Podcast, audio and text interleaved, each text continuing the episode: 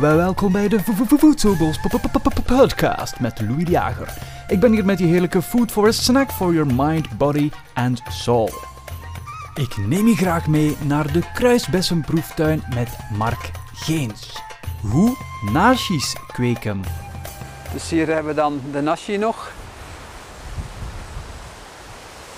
Vaak foutief nashi peer genoemd. Ja, hè? Maar nashi noemt, ei- is eigenlijk het Japanse woord voor peer. Dus dan zeg je eigenlijk peer, peer. Dus eigenlijk gewoon Dus- nashi. Mag geen nashi-peer meer zijn, maar is het nu een peer of een appel?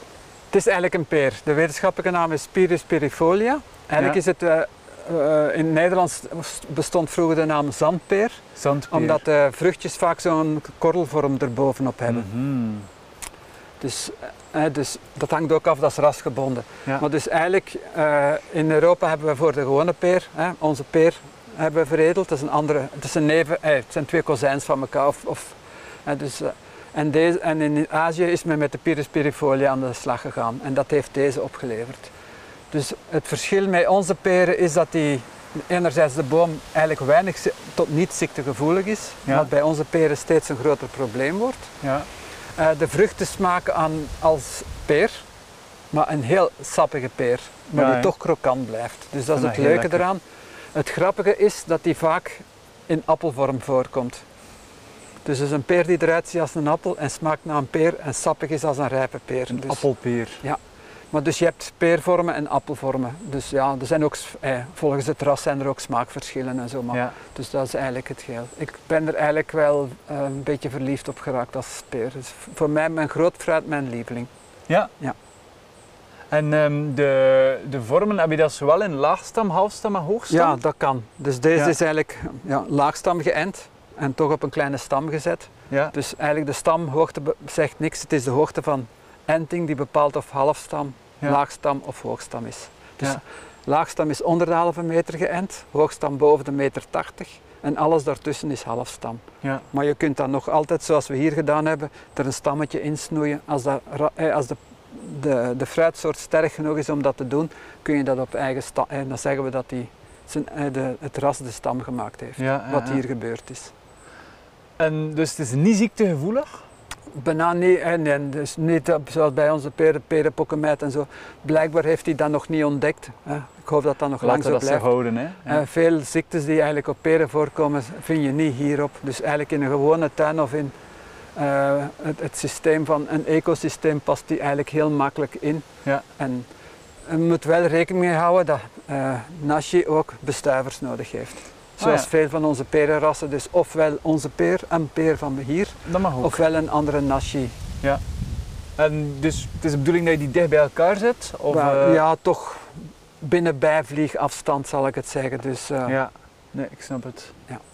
En ja, En ze bloeien ongeveer, ze bloeien gelijktijdig, dus je hebt ook het risico dat bij een late nachtvorst dat de bloemen ook wel eens geraakt worden. ja. Dat is het enige. En heb je favorieten daarbij? Van Ja. rassen? Wel, dit is Niizeki waar we bij staan. Dat Niizeki. Nizeki. Ja. Dat is een beetje Japans. Ja, wel, en dat is een hele lekkere. Ja. Eh, is niet de dikste, maar het is een hele lekkere. Je hebt kozoi, hozoi, zijn heel lekkere. Eh, ik, ik eet ook heel graag titoepeer. Eh, dus die noemt titu, dus dat vind ik ook een hele goeie. Die heeft echt die peervorm. Dat is een hele harde, ook veel later. Deze rijpt af in augustus. En dan heb je andere rassen die later zijn en de titu die is bij ons heel laat. Dan zit je al tegen oktober aan dat die oogstrijp is. Dus hier kan je ook eigenlijk het, het seizoen spreiden. Ja, en het leuke ervan is, dat hebben we eigenlijk ooit per ongeluk ontdekt. Door, ja, we hadden er in de koelkast gelegd om te bewaren voor op een plantenbeurs te tonen. Ja.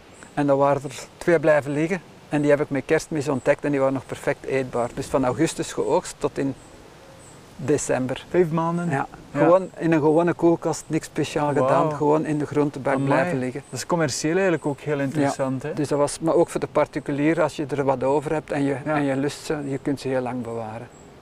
En die waren eigenlijk oogstrijp, dus eh, Dus eigenlijk, nashi is helemaal, heel, heel breed inzetbaar, zowel laagstam eh, of hoogstam of alles Ja, daartussen. ja, ja, dus Ehm, ja, in, in een voedselbos en je zegt ik wil ze als hoogstam gebruiken, het kan, het oogsten is een stuk lastiger.